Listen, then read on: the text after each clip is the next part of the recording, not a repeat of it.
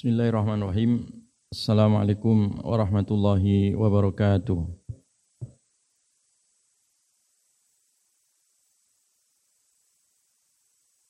Alhamdulillah wahdah.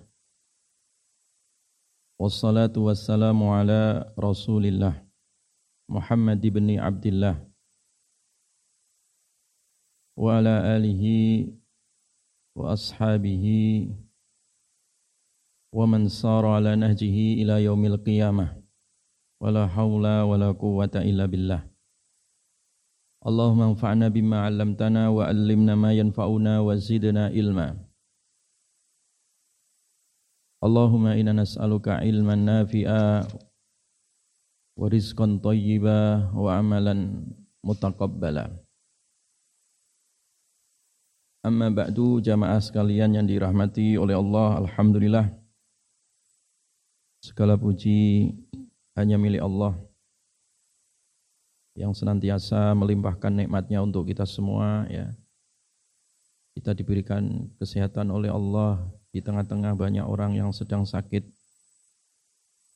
Kita dimudahkan oleh Allah, diberikan kesempatan di tengah-tengah banyak orang memiliki kesempitan ya. Dan luang waktu juga keimanan yang dikaruniakan oleh Allah Subhanahu wa taala merupakan nikmat di atas nikmat ya. Ketika nikmat itu kita mensyukurinya. Karena orang mensyukuri nikmat itu adalah orang-orang pilihan ya orang yang bisa merasakan hadirnya karunia Allah di dalam kehidupan ini itu adalah cahaya keimanan ya. Di mana banyak orang tidak bisa merasakan itu ya. Sehingga orang yang bisa merasakan manisnya iman di saat kondisi apa pun senantiasa bersyukur kepada Allah Subhanahu wa taala walaupun di tengah-tengah kondisi ya di zaman pada keadaan yang sekarang ini banyak orang-orang mengeluhkan ya kondisi saat ini ya. Bagi orang yang beriman selalu mengaitkan segala sesuatu ya, itu kembali kepada Allah Subhanahu wa taala. Masya Allah memang kita diuji di awal tahun ini dengan banyaknya bencana yang bertubi-tubi yang terjadi di negeri kita tercinta ini dan di alam dunia secara umumnya ya. Kita saksikan bencana demi bencana mulai tanah longsor ya. Tidak lama ini terjadi di Sumedang ya, banjir di Garut, kecelakaan pesawat Sriwijaya ya. Gempa di Mamuju ya. Banjir di Kalimantan Selatan. Dan bahkan betapa meningkat penderita COVID-19 ini justru di bulan ini mencapai puncak ya. Bahkan dikabarkan ribu orang per hari sekarang ya. Belum lagi ditambah bencana di atas bencana. Banyaknya wafat orang-orang soleh itu. Banyaknya wafat orang-orang soleh, orang-orang baik ya. Para ulama-ulama negeri ini, para da'i-da'i ilallah justru dipanggil di kondisi-kondisi saat ini ya. Kita sudah menghitung belum genap satu bulan di bulan Januari ini. Kita masih berada di pertengahan bulan. Itu kurang lebih sudah ada 16 ya, 16 dai para ulama ya, para tokoh, para habaib ya, dipanggil oleh Allah Subhanahu wa taala ya. ya. Termasuk yang baru saja kemarin ya Syekh Ali Jabir ada Habib Ali Assegaf ya gurunya para habaib juga dipanggil oleh Allah Subhanahu wa taala ya termasuk eh, sesepuh dan kiai dari Rabiak juga dicabut oleh Allah Subhanahu wa taala dipanggil ya. Jadi banyak sekali para alim-alim ulama yang itu dipanggil oleh Allah dalam kondisi zaman pandemi seperti ini ya. Dan ini sebagai tanda, jadi sebagai tanda dan juga sebagai alamat bagi kita orang-orang yang beriman yang kita khawatirkan adalah dicabutnya ilmu. Karena ketika Allah mencabut ilmu itu tidak dicabut langsung ilmu itu, tapi melalui dicabutnya para ulamanya. Innallaha la yaqbidul ilma intiza'an yantazi'uhu minal ibad. Sungguhnya Allah itu tidaklah mencabut ilmu dengan sekedar mencabut, tidak ya. Jadi ilmu tidak sekedar dicabut di tengah-tengah manusia, ya, di tengah para hamba ini. Walakin yaqbidul ilma biqabdil ulama. Tapi ilmu itu dicabut dengan dicabutnya para ulama. Hatta idalam yabqa aliman. Ya. Aw lam yubqi aliman ittakhadhan nasu ru'usan juhalan fasu'ilu fa'aftau bi ghairi ilmin fadallu wa adallu ya. Jadi ketika ilmu sudah dicabut sehingga jarang para ulamanya sedikit orang yang tahu tentang masalah agama ini justru yang muncul adalah banyaknya orang-orang jahil ya orang-orang awam yang kosong dari pengetahuan agamanya kemudian memberi fatwa sehingga fatwanya itu tidak mencerahkan tetapi menyesatkan. Mereka sesat dan juga tidak sekedar sesat tapi juga mendorong orang lain untuk sesat. Nah ini ketika bencana ilmu itu di, dicabut. Makanya kalau ulama itu dicabut, yang menangis itu bukan hanya manusia, tetapi langit juga ikut menangis. Saya renungin itu ya di dalam surat Ad-Dukhan ya. Ya, Ad-Dukhan ya. Ada surat dalam Al-Qur'an itu berkaitan dengan masalah mendung dan juga langit ya. Makanya disebut Ad-Dukhan ya. Di situ Allah Subhanahu wa taala menjelaskan tentang bagaimana ternyata langit itu juga menangis gitu ya. Jadi tangisan langit untuk orang-orang saleh ya yang dipanggil oleh Allah, yang dicabut nyawanya, yang diwafatkan ya sehingga mereka tidak di bumi lagi. Ya. Ketika itu ulama meninggal, orang-orang saleh meninggal, nangis itu langit ya. Fama bakat alaihi sama'u wal ardu wa ma kanu munzarin ya. Jadi nangisnya langit itu untuk orang-orang saleh ya, untuk para ulama. Dan langit tidaklah menangis untuk mereka orang-orang yang toleh ya, pakai tok ya. Yaitu orang-orang yang tidak saleh ya. Langit tidak menangis untuk orang-orang kafir ya, orang-orang musyrik, orang-orang munafik ya. Orang-orang fasik tidak. Langit tidak menangis. Makanya tidaklah langit itu menangis untuk mereka Demikian juga bumi tidak juga menangis untuk mereka orang-orang kafir ataupun orang-orang musyrik. Ya. Dan mafhum mukhalafah dari ayat ini bahwa nangisnya langit itu hanya berlaku untuk orang-orang saleh, untuk para ulama. Ya. Nah, datang ya kepada Ibnu Abbas ya radhiyallahu an ya dan orang datang ke Ibnu Abbas itu bertanya, ya, Aro'aita qaulallah. Bagaimana tafsiran wahai Ibnu Abbas tentang firman Allah, "Fama bakat alaihimus sama." Ya. tentang masalah nangisnya langit ini ya. ya. Apakah langit itu menangis itu ya? Ya, jadi pertanyaan tamu yang datang kepada Ibnu Abbas tadi, apakah langit menangis? Bagaimana tafsiran engkau terhadap firman Allah dalam surat Ad-Dukhan ayat 29. Fama bakat alaihimus sama'u wal ardu wa ma kanu munzarin.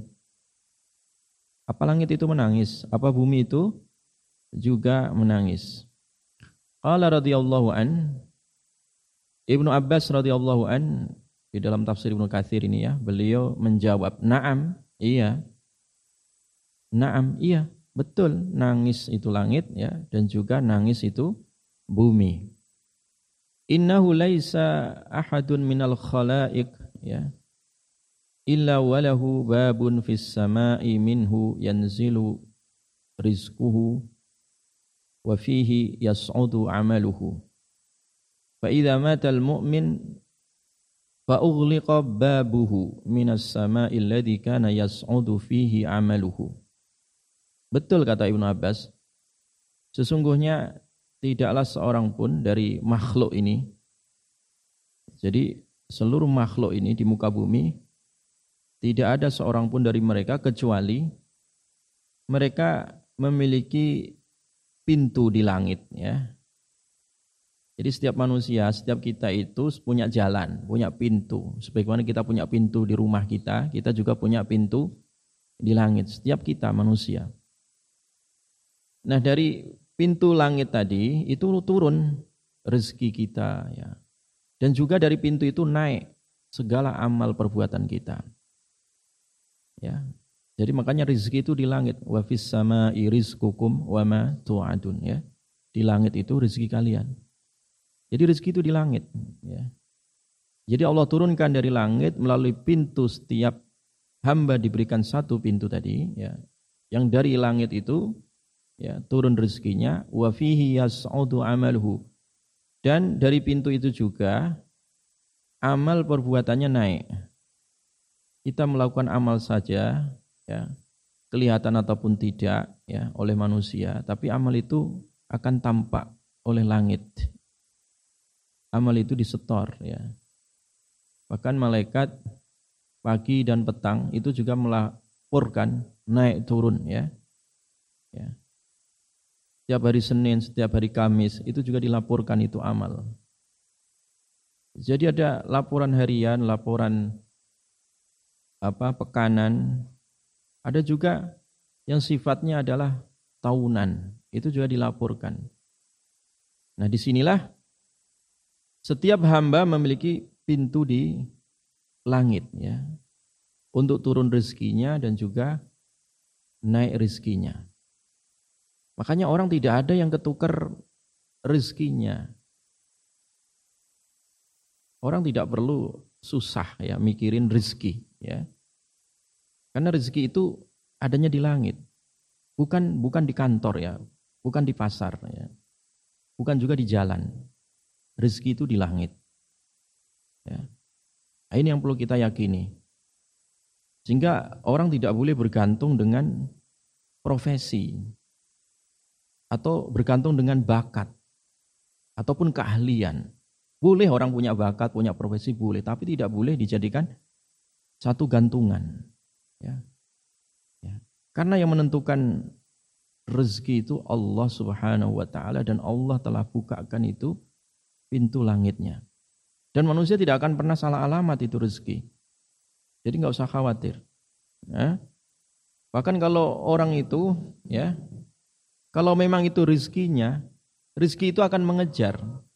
Sebagaimana kalian dikejar oleh kematian, rezeki itu juga mengejar kalian. Gitu. Dan orang nggak akan mati sampai rezekinya itu dituntaskan oleh Allah Subhanahu wa taala. Ya, itu pun di langit ya. Demikian juga amal amal perbuatan manusia itu juga disetor ke langit. Kalau Allah turunkan rezeki dari langit, nah, manusia ini juga dituntut oleh Allah supaya menaikkan amalnya ke langit. Jadi setiap hari kalau seandainya kelihatan itu sinyal atau kelihatan misalkan ya transportasi langit itu sangatlah sibuk. Kalau seandainya kelihatan oleh panca indera manusia.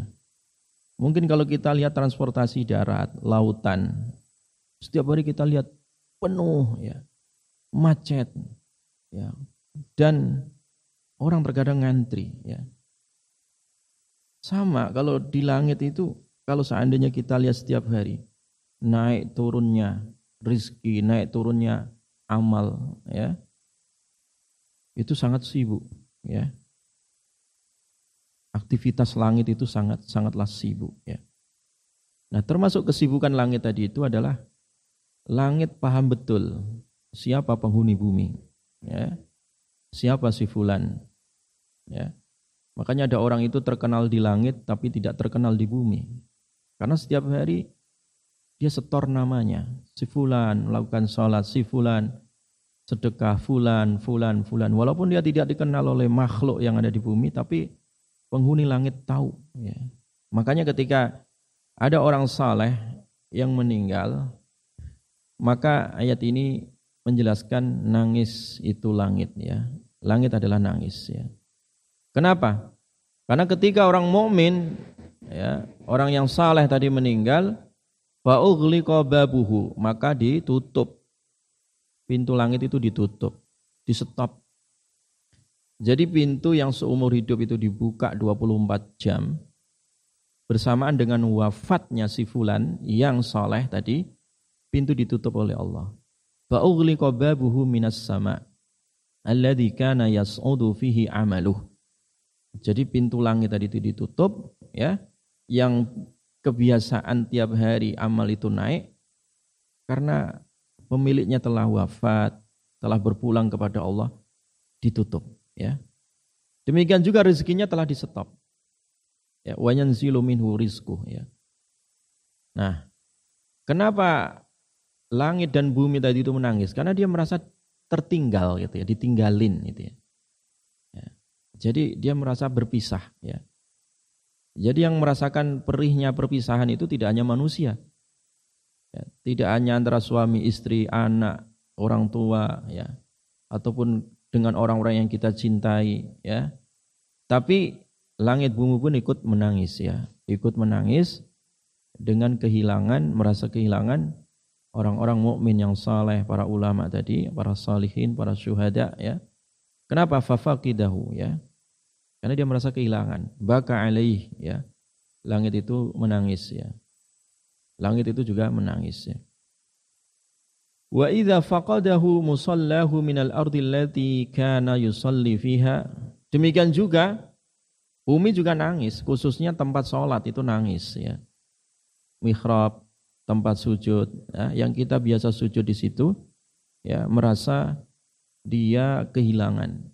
Nah, tempat-tempat sujud bumi yang kita injak yang kita jadikan sarana untuk beramal saleh itu juga menangis ya. Itu juga apa? Menangis ya. Jadi tempat-tempat sholat, ya bumi yang kita sujudin itu mereka menangis. Atau tempat-tempat di mana kita zikir wa yadhkurullah ya fiha bakat alaih. Atau tempat-tempat majelis ilmu yang biasa kita duduk di situ ya. ya. Jadi kalau Bapak dipanggil oleh Allah dan pernah hadir di majelis ini ya, majelis ilmu sini, ini akan menangis. Ya. Bumi-bumi yang Bapak pijak yang kita duduki, ketika kita duduk di majelis ilmu, majelis ilmu itu akan menangis ya, karena merasa kehilangan. Ya. Nah, jadi orang-orang saleh, orang-orang mukmin itu ditangisi oleh langit dan bumi. Ya, sedih ya. Makanya kalau kita ada orang soleh meninggal kok nggak sedih itu orang munafik. Jadi salah satu ciri orang munafik itu adalah dia tidak merasa sedih ketika wafatnya ulama ya. Itu salah satu ciri munafik ya. ya. Jadi karena kemunafikan itu menutup keimanannya tadi. Jadi kalau ada orang soleh kok malah nyinyir ya di media sosial ya, ya bikin ucapan-ucapan yang pedas ya, yang menyakitkan ya. Orang soleh meninggal itu saksikan bahwa orang itu adalah orang munafik ya. Orang yang seperti itu adalah orang munafik ya. Kenapa? Karena senang dengan wafatnya ulama. Jadi makanya salah satu ciri orang munafik itu adalah ditutup hatinya sehingga dia tidak pernah merasakan kesedihan ketika wafatnya eh, salah satu ulama atau orang-orang saleh ya. Langit dan bumi saja menangis ya. Masa orang yang normal, orang yang hatinya sehat ya, tentu dia akan lebih menangis ya. Bahkan bahkan di dalam riwayat Ibnu Abbas yang lainnya dikatakan kana yuqalu tabikil ardu 'alal mu'min arba'ina sabahan. Bahkan tangisan tangisan-tangisan langit bumi itu 40 hari ya. Jadi sampai 40 hari ya. Jadi tangisannya itu bukan sehari ternyata sampai 40 apa? 40 hari ya. Jadi 40 hari dia menangis itu langit ataupun bumi. Nah, jadi 40 hari ya. Jadi menangisin kepergian orang-orang yang saleh, orang-orang yang yang beriman ya. Jemaah sekalian yang dirahmati oleh Allah Subhanahu wa taala ya. ya. Nah, di sini juga Ibnu Kasir meriwayatkan ya, tentang eh, bagaimana ketika peristiwa ya salah satu cucu Nabi terbunuh waktu itu yaitu sahabat Husain bin Ali ya. Hadis ini sahih ya dan juga diriwayatkan oleh Imam Muslim dan juga Ibnu Katsir di sini ya. Lamma kutila al-Husain ya, ketika terbunuh ya cucu Rasulullah wasallam yaitu Husain ya bin Ali itu tanda nyata jadi tanda-tanda nyata langit menangis itu ditampakkan oleh Allah. Ihmarrat afakus sama arba'ata ashur. Ya. Jadi langit itu betul-betul tampak merah itu ya. ya. Kurang lebih adalah empat bulan. Ya. Jadi empat bulan. Ya. Nah ketika salah satu ulama ditanya kenapa ini langit kok merah gitu ya. Jadi langit memerah dan itu tidak sehari dua hari. Ya, peristiwa itu sampai empat bulan. Ini disaksikan para, para sejarawan, termasuk Ibnu Katsir ini sejarawan dan juga mufassir. Ya. Tidak hanya disaksikan dalam bentuk kajian sejarah, tapi juga di sanat-sanat hadis pun dijelaskan. Ya. Riwayat itu adalah sahih. Ya. Termasuk eh, di dalam riwayat Imam Muslim juga disebutkan ketika wafatnya sahabat Husain bin Ali, cucu Rasulullah sallallahu alaihi wasallam, langit itu 40 apa? 4 bulan bahkan ya. Berapa tadi? 4 bulan ya. Jadi 4 bulan. Jadi kalau ketika wafatnya Husain itu bahkan sampai 4 bulan. Ya. Jadi sampai 4 bulan itu eh, langit menangis. Nah standarnya tadi itu ya di dalam riwayat Ibnu Abbas itu kan arba'ina sobahan ya 40 hari tadi yang saya sebut tadi ya. Tapi bersamaan dengan wafatnya sahabat Husain ya itu riwayat Ibnu Kasir di sini mengatakan sampai eh, 4 bulan ya. Sampai 4 bulan ya. Jadi arba'atu ashur ya. Nah salah satu ulama ditanya kenapa itu eh, langit memerah gitu.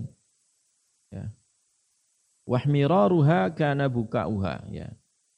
Jadi tanda merah tadi di langit itu adalah tanda nangisnya langit ya dengan kepergian eh, sahabat Husain cucu baginda Rasulullah sallallahu alaihi wasallam. Ya kita sedih ya. Sedih dengan wafatnya Husain tapi jangan juga berlebih-lebihan ya, berlebih-lebihan seperti orang-orang Syiah ya yang salah kaprah ya ketika mensikapi dengan wafatnya eh, sahabat Husain cucu Rasulullah Sallallahu Alaihi Wasallam dengan cara mengadakan ritual setiap 10 Muharram ya dengan menyiksa diri, memukuli badannya, disilet, ya, dipukul, dikeluarkan darah dari tubuhnya. Tidak seperti itu caranya. Itu terlalu apa? Hulu atau berlebihan. Tidak. Ya memang kita sedih dengan wafatnya sahabat Husain tapi tidak harus dengan cara meratapi dengan hal-hal yang keluar dari batasan syariah ya. Ya. Cukup orang sedih dengan kepergian para ulama ya. Cukup orang itu merasa pedih dengan kepergian eh, sahabat Nabi atau orang-orang saleh. Tapi tidak harus dengan cara cara-cara yang eh, melampaui batas ya. Dengan cara menyiksa diri ataupun meratap ya, tentang kematian tadi itu tidak tidak dibenarkan ya. Tapi ikhwatal iman jamaah sekalian yang dirahmati oleh Allah Subhanahu wa taala ya. Ya. ya. Jadi oleh karena itu ya, oleh karena itu sekali lagi kepergian eh, para ulama itu menyisakan tangis ya, baik langit maupun eh, bumi. Ya. ya terkadang itu memang ditampakkan ya, memang terkadang eh, Allah Subhanahu wa taala terkadang eh, menampakkan ya. Jadi menampakkan hal-hal yang terkadang sifatnya gaib ya atau yang tidak biasa ya itu terkadang ditampakkan ya, oleh Allah Subhanahu wa taala atas izin Allah Subhanahu wa taala. Jadi sudah banyak ya cerita-cerita tentang bagaimana Allah tampakkan ya, dengan wafatnya seorang syuhada ya, orang yang mati syahid atau orang-orang yang saleh ya atau kematian para ulama itu terkadang tanda-tanda alam itu di, dibuka oleh Allah Subhanahu wa taala ya. Itu di dibuka dan ditampakkan terkadang ya. Entah ditampakkan secara umum ataupun secara personal atau perorangan terkadang ditampakkan oleh Allah eh, Subhanahu ya, Subhanahu wa taala ya. Itu memang begitu tanda-tanda ya. Dan setiap segala sesuatu itu memang Allah kasih kasih tanda ya. Allah kasih kasih tanda ya. Jamaah sekalian yang dirahmati oleh Allah Subhanahu wa taala ya. Wa yauma mata Ibrahim ibnu Nabi sallallahu alaihi wasallam khasafat asy-syams. Faqala an-nasu khasafat li mauti Ibrahim fa bihim Rasulullah sallallahu alaihi wasallam ya. Tapi juga ketika melihat tanda-tanda itu jangan salah tanda gitu ya. Kadang ada orang itu eh, salah juga menafsirkan tangisan langit ataupun tanda langit. Makanya saya bilang tadi kita harus mengukur segala sesuatu itu berdasarkan ilmu ya, berdasarkan apa? Ilmu. Ya. Ya, ya tadi yang diriwayatkan oleh Imam Muslim dan juga Ibnu Kasir, tanda kematian sahabat Husain ada tanda merah sampai empat bulan. Itu memang Allah tampakkan. Tapi juga jangan disalahgunakan. Dicontohkan apa? Karena terkadang orang itu e, mensalahgunakan tanda alam atas dasar kebodohan.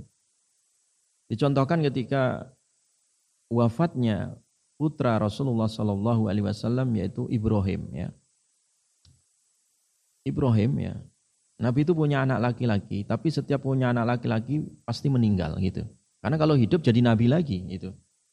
Dan nabi itu adalah nabi terakhir, nggak mungkin ya punya anak laki-laki sampai besar itu tidak mungkin. Karena memang Allah sudah pastikan bahwa Nabi Shallallahu Alaihi Wasallam adalah Nabi terakhir. Makanya setiap punya anak laki wafat ya. Ya, sebelum gede itu sudah dipanggil oleh Allah. Nah contohnya Ibrahim ini ya. Ibrahim itu putra Nabi Shallallahu Alaihi Wasallam.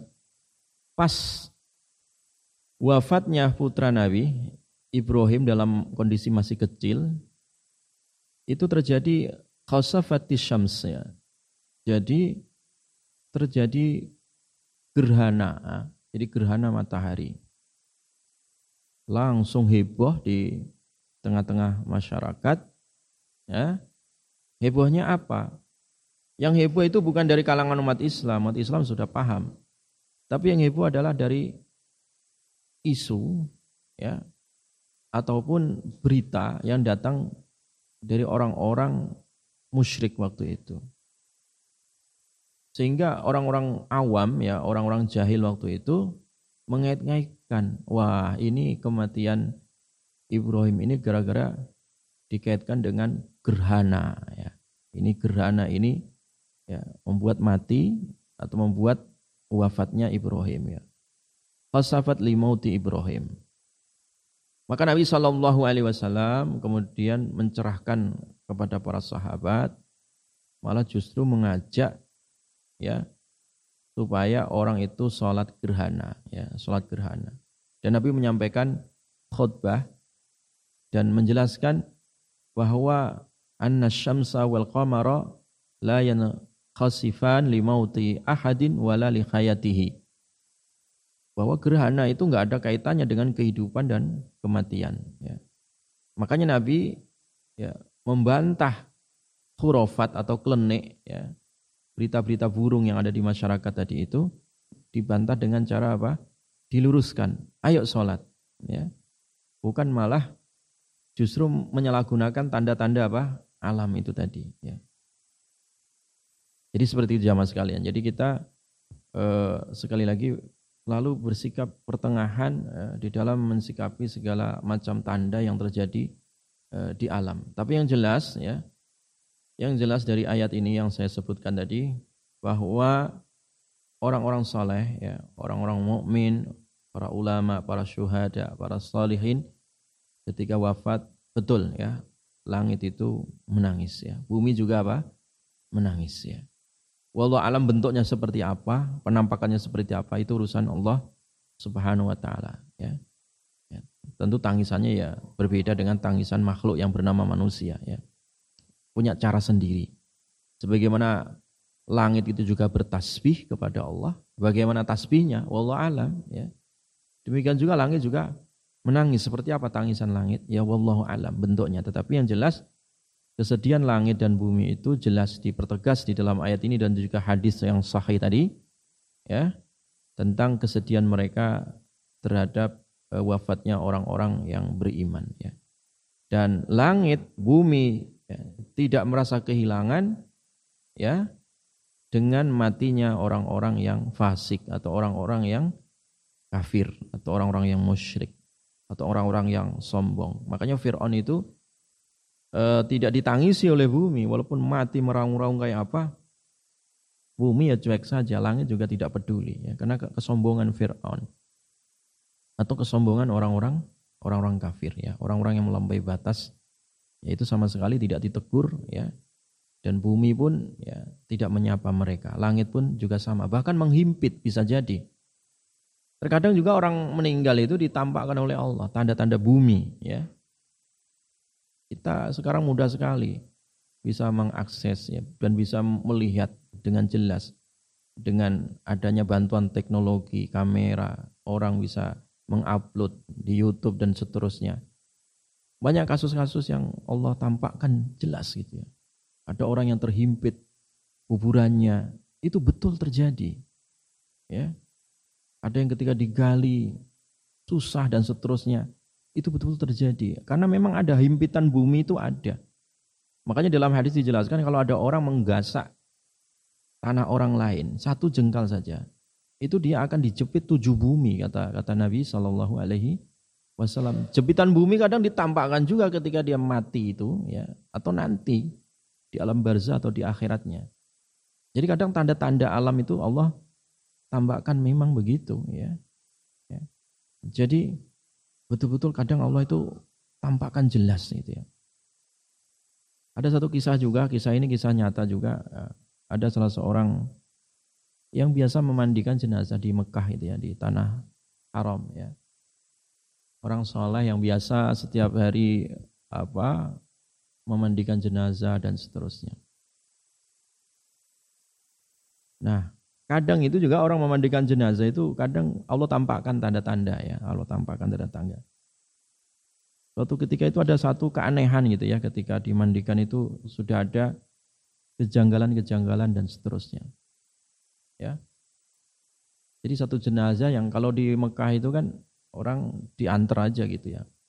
Di masjid-masjid itu kan eh, hampir masjid-masjid besar di Mekah itu kan ada namanya maghsalah ya. Artinya setiap masjid besar itu ada e, semacam tempat pemandian jenazah itu pasti ada begitu ya. Kebanyakan dari masjid-masjid yang besar. Jadi kalau orang meninggal itu nggak susah di sana gitu ya. Asal ada orang meninggal bawa ke masjid selesai gitu. Nggak ribet harus ngurus ini ngurus itu ribet di kita ini kadang ya. Kalau di sana tidak. Ya. Ada orang meninggal ya, nggak mikir biaya nggak mikir apa langsung bawa aja ke situ beres itu. Nah dikira ini nggak ada masalah orang ya. Tapi ketika di awal proses dimandikan udah mulai kejanggalan-kejanggalan sampai ketika digotong ke eh, apa pekuburan itu ada keanehan juga ketika diangkat tuh berat sekali perasaan yang menggotong itu berat sekali.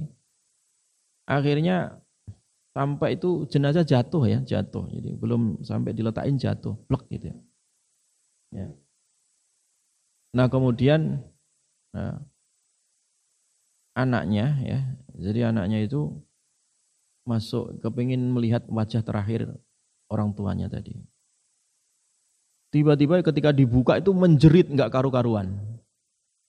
Menjerit, teriak histeris itu ya. Langsung loncat ke atas itu ya. Langsung kabur pulang ke rumah.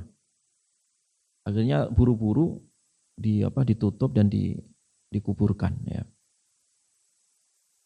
Nah, karena ada kejanggalan ini, kalau di kita panitia lah atau orang yang apa ikut mengantar jenazah itu, ya salah seorang dari mereka mengunjungi dan bertanya, ada apa sih kamu tadi di di kuburan tadi itu ada apa? Dia nggak mau cerita. Akhirnya didesak, didesak, didesak. Tolong kan saya yang memandikan dan itu. Jadi tolong ini rahasia nggak apa-apa saya jaga. Hanya diceritakan si anak ini mohon maaf kepada eh, apa orang yang biasa memandikan jenazah tadi. Saya mohon maaf ya. Tadi saya tidak menyangka dan tidak menyangka betul. Ya. Saya tadi menjerit dan histeris itu, saya melihat wajah jenazah itu berubah jadi hitam semua. Saya takut dan saya nggak percaya itu adalah jenazah orang tua saya. Emang kenapa amalan orang tuamu di dunia apa? Jujur orang tua saya tidak sholat. Seketika itu yang memandikan jenazah itu hampir saja pingsan. Dan shock, saking shocknya itu masuk ke rumah sakit. Dan belum pernah kejadian itu kecuali hari itu. Jadi bukan masalah takut mandikan mayat, tidak. Tapi karena salah alamat tadi dia memandikan orang yang nggak sholat, kenapa harus di, di, ditaruh di pekuburan muslim gitu. Nah, orang yang nggak pernah sholat. Ya. Kenapa kamu tidak ngasih tahu saya kalau bapakmu, ibumu tidak sholat katanya. Iya saya gimana ya nanti saya takutin takutin dan seterusnya. Dan memang saya saksikan itu. Saya nggak nggak tega melihat wajah dan badan yang menghitam seperti itu. Nah, itu contoh ya terkadang memang eh, tanda-tanda alam seperti itu ditampakkan oleh Allah Subhanahu wa taala. Jadi makanya ya kita sholat lah ya, sholat dan sholat itu penting, sholat itu pertama. Makanya ada pesan yang viral yang bagus ya, jadi inspirasi banyak orang hari ini.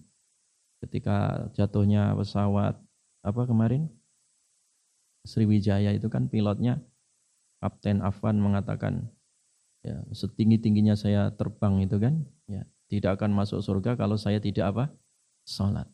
Jadi lagi-lagi orang udah punya profesi apa pun, bisa terbang setinggi apa pun, ya nggak ada manfaatnya kalau memang orang itu tidak apa, tidak sholat ya, tidak kembali kepada Allah Subhanahu Wa Taala. Udah, udah bisa. Kurang berapa? 8 menit. Jadi akhirnya manusia itu akan kembali kepada Allah kan begitu kan? Ya, akhirnya kembali kepada Allah. Makanya tadi ya setiap orang kembali kepada Allah Subhanahu wa taala itu ada bekas ya.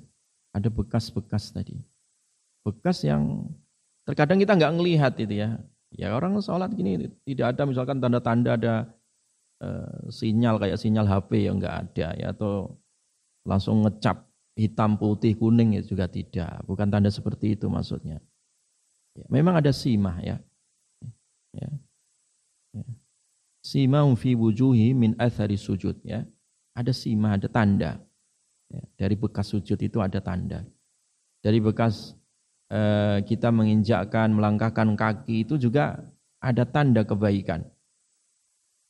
Ada sahabat Rasulullah sallallahu alaihi wasallam meminta izin untuk pindah rumah ya. Supaya rumahnya itu dekat dengan masjid. Alasannya logis ya, masuk akal. Ya Rasulullah saya rumahnya jauh, ya. gelap, susah ya. Ketika menjangkau untuk ke masjid. Boleh nggak aku pindah rumah dekat masjid supaya lebih mudah, supaya lebih dekat? Kata Rasulullah Sallallahu Alaihi Wasallam, Hei fulan, ya, alaikum buyutakum, tuktabu atharukum. Kamu hendaklah tetap di rumah. Rumahmu, rumahmu. Artinya jangan pindah. ya. Nah, rumahmu yang jauh tadi itu justru setiap bekas ya langkah-langkahmu itu itu dicatat sebagai pahala itu ya. Jadi kalau kita terkadang eh, jauh gitu ya, rumah kita dari masjid misalkan, ya jangan jadi alasan malas ke masjid. Justru malah harus jadi motivasi. Semakin jauh melangkah, semakin apa? Banyak itu pahalanya. Wa kullu khutwatin tamshiya ila shalah sadaqah kan gitu kan. Nabi mengatakan setiap langkah yang kalian injak itu, yang kalian langkahkan ke masjid itu juga sedekah ya. Kenapa kalau orang pergi ke masjid itu disunahkan kalau berangkat pakai satu jalur nanti pulangnya beda jalur gitu. Jadi kalau Bapak dari Taman Cimanggu ke sini lewat jalan apa namanya itu ya ke sini nanti pulangnya muter ke mana gitu itu itu sebenarnya lebih sunnah lebih afdol itu ya tapi ingat jangan muter-muter kejauhan nanti ditunggu istrinya ke mana ini bapak ya nggak ketemu jalan gitu ya Kata Ustadz tadi disuruh muter-muter, wah tamat kalau gitu ya. Jadi ya boleh muter tapi dipakai kira-kira juga gitu ya.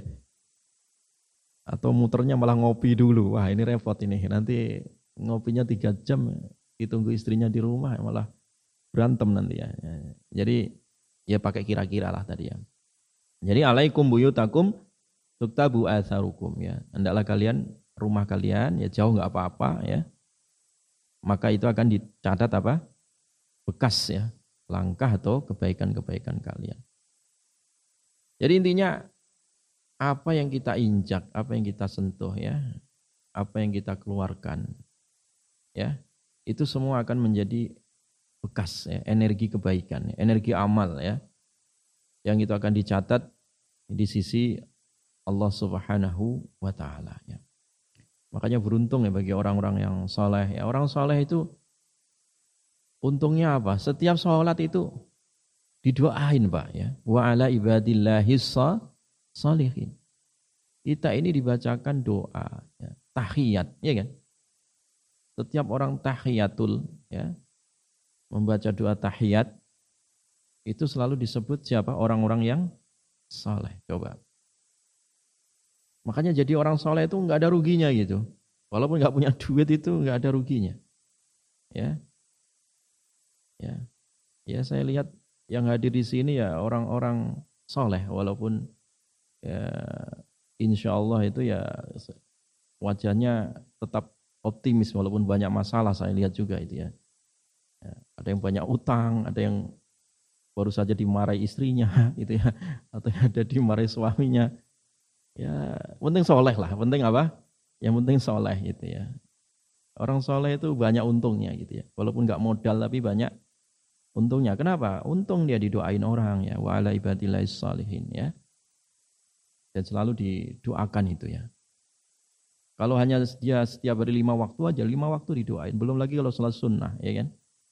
Nah itu untungnya jadi orang-orang soleh tadi ya. Sampai bumi langit itu pun jadi sahabat gitu ya. Jadi sahabat. Tapi kalau kenapa gitu ya, saya kadang pikir, kenapa bumi nggak bersahabat dengan manusia? Karena nggak soleh itu. Kenapa banjir, longsor itu langganan itu ya. Dulu kesolehan sahabat Umar itu membuat sahabat bumi. Ketika pernah di Madinah itu terjadi tsunami atau terjadi gempa lah gitu ya. Kalau di kita nggak perlu sampai ngubungin apa itu namanya yang ahli gempa macam-macam itu ya. Harus masang sirene macam-macam itu. Kalau sahabat Umar itu cukup kakinya diinjakan ke tanah. Diem wahai bumi. Ya. Ya. Bukankah di atas sini ada Rasulullah, ya, ya. ada orang-orang saleh? Eh diem akhirnya, buminya diem pak. Ya. Tapi kalau bumi tidak apa bersahabat, ya itu yang terjadi. Ya, kadang gempa itu ya setiap saat ya, setiap waktu. Ya mungkin karena manusianya tadi yang kurang soleh. Maka kalau saya ditanya, apa sih Ustadz solusinya gempa bumi? Soleh. Ya. Apa sih Ustadz solusinya pandemi ini? Soleh. Gitu kesalehan gitu. Makanya orang terkadang pusing ya, bermiliaran, triliunan ya, mikirin ya, vaksin, mikirin bagaimana cara ini orang pada bingung sekarang ini. Ya. Menterinya bingung, Pak Presidennya juga bingung kelihatannya gitu ya. Jadi maka ajakan ya para ustadz itu ajakannya sederhana. Ayolah ajaklah rakyat ini untuk bertaubat gitu ya ajaklah kami rakyat-rakyat itu untuk bertobat untuk kembali kepada Allah. Selesai Pak, insya Allah. Yakin saya itu ya. Wong Al-Quran nggak pernah bohong kok ya. Mungkin manusia bisa bohong ya. Makanya dulu Imam Syafi'i rahimahullah ketika sudah beliau keliling tanah Hijaz, tanah Syam, Yaman, ya, Irak, ya, Kufah dan Basrah. Ketika terjadi peristiwa pandemi, ya, Beliau berkesimpulan apa solusi? Ya. Hampir atibak waktu itu, artinya para dokter, tenaga medis, orang ahli di dalam bidang kesehatan, ditanya dan ditanya terus. Tapi kata Imam Syafi'i menyimpulkan bahwa yang paling bermanfaat dalam kondisi pandemi ini adalah memperbanyak tasbih. Memperbanyak apa? Tasbih. Dan itu teruji gitu ya, teruji. Tapi ini jarang disampaikan. Ya di masjid di sinilah saya sampaikan gitu. Ya barangkali mendengar ya pakar-pakar itu ya barangkali orang-orang yang punya kebijakan itu mendengar. Wallahu alam bisawab. Mudah-mudahan Allah Subhanahu wa taala senantiasa melindungi kita semua, keluarga kita ya dari berbagai macam bencana sehingga kita tetap diberikan kesempatan untuk memperbanyak ibadah. Subhanakallahumma bihamdika asyhadu an la ilaha illa anta astaghfiruka wa atubu Assalamualaikum warahmatullahi wabarakatuh.